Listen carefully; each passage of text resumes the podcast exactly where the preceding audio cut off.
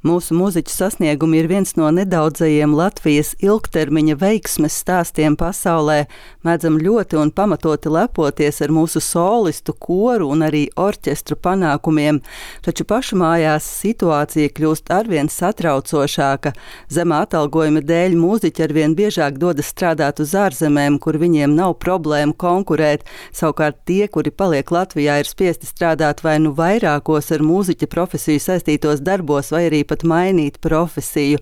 Situācijas kritiskumu iezīmē Latvijas koncertu vadītājs Gunters Čirsis. Kad mēs esam visi laimīgi atbraukuši no Amsterdamas koncerta gabalu, koncertu, kurā uzstājas Orķestra Simfonēta Rīga, paiet pāris dienas, un es vienu no mūziķiem satieku lielveikalā, jo viņi ir spiest strādāt tur, jo par šo algu īsti iztikt nevar. Un tas nav nekas slikts, un tas darbs ir cienījams, bet nevienā valstī, kas sevi uzskata par kultūras valsti, tā nevar notikt, un es nedomāju, ka tā vispār kāds var iedomāties, ka tā varētu notikt. Jo mūziķim, profesionālam, ir jāstrādā mūzikas kolektīvā, viņa laiks ir jāvelta, lai viņš varētu sevi pilnveidot, lai pēc tam, tad, kad jūs un arī citi klausītāji atnāks uz koncertu, lai viņš varētu pilnvērtīgi izpildīt to, ko mēs no viņa sagaidām.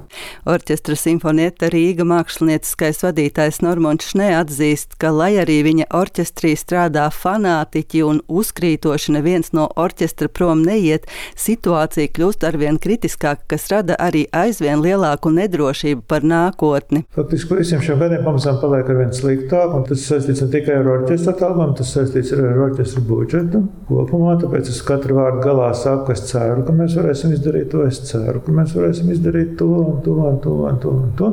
Tā ka tā ir pat labā. Viena no problēmām ir mūziķu trūkums konkrētās instrumentu grupās. Ar to saskaras arī Latvijas radio Big Bands skaidrotā vadītājs Kārlis Vanaks. Instrumentu grupās situācija katastrofāla, jo ja mēs tā esam arī padomājuši Nedod Dievs, ja kāds no Big Band mūziķiem kaut kāda iemesla dēļ nevar piedalīties koncertu norisē, tad uh, bieži vien tā situācija var izveidoties tāda, ka paņemt vietā vienkārši nav ko.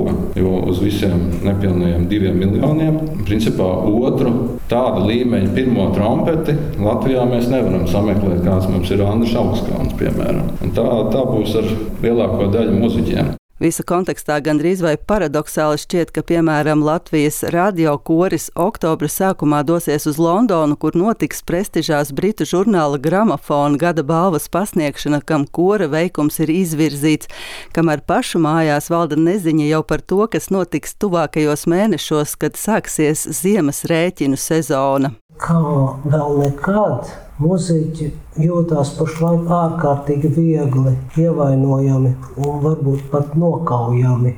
Jo ir tik daudz dažādu tādu notikumu un detaļu, kas parādās ar vien biežāk mūsu ikdienā. Es jau nemāku tās pateikt, bet ir lielas ziepes, ir tiešām lielas ziepes. Latvijas koncertu vadītājs Gunārs Čirsis uzsver, ka situācija ir tik samilzusi, ka tā jāatrisina vistuvākajā laikā cerot uz produktīvu dialogu ar jauno valdību. Skaidrs, ka ar kultūras ministru un, un droši vien ar valdību, ar premjeru būs runa par to, ka šis jautājums ir jārisina tūlīt. Tas nevar gaidīt. Mēs nevaram gaidīt nevienu mirkli. Un tieši tas, ko arī šeit jūs uzdot jautājumu, vai mēs redzam, ka kāds te atgriežas, nu īstenībā ir tā, ka nu, šobrīd nav neviena, kurš būtu aizbraucis uz ārzemēm mācīties un kurš šeit atbraukt atpakaļ un klauvēt šeit pie durvīm un teikt, ka viņš gribētu šeit spēlēt. Nu, nebraukšu šeit atpakaļ, tikmēr, kamēr mēs viņiem nevarēsim reāli kaut ko piedāvāt. Šobrīd profesionāla mūziķa alga Latvijā ir 1300 eiro pirms nodokļu nomaksas.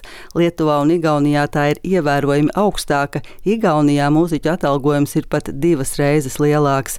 Baiba Kušķe, Latvijas radio.